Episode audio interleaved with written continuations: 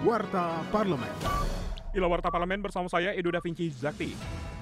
Wakil Ketua Komisi 3 DPR RI Adis Kadir mengingatkan Polri agar mengoptimalkan penggunaan anggaran tahun 2023 mendatang, khususnya untuk pendidikan mental segenap personil Polri yang masih berpangkat golongan bintara dan tamtama.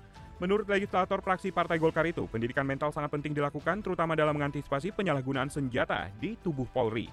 Mengingat sedikit kasus penembakan yang dilakukan oleh sesama anggota Polri.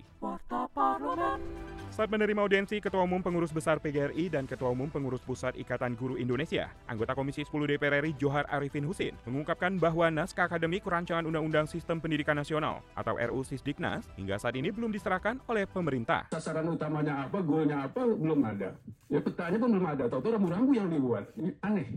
Ya, dalam perencanaan ini sangat aneh. Jadi tidak akan kita dapatkan yang terbaik. Ini kan sembunyi-sembunyi. Dan saya dalam rapat kata kepada bukalah sebesar-besarnya.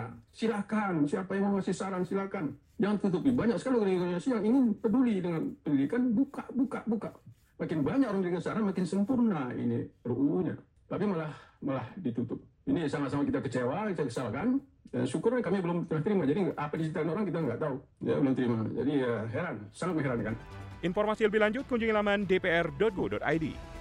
Berbicara saat kunjungan kerja spesifik ke Provinsi Nusa Tenggara Barat baru-baru ini, anggota Komisi 9 DPR RI Sri Meliana mendorong pemerintah untuk meningkatkan koordinasi dan kerjasama serta melibatkan stakeholder dan seluruh komponen masyarakat guna memaksimalkan program vaksinasi COVID-19.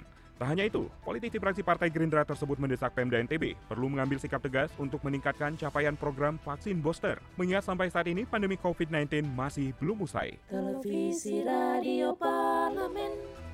Demikian Warta Parlemen, Produksi TVR Parlemen, Referensi Indonesia, Biro Pemberitaan Parlemen, Sekjen DPR RI.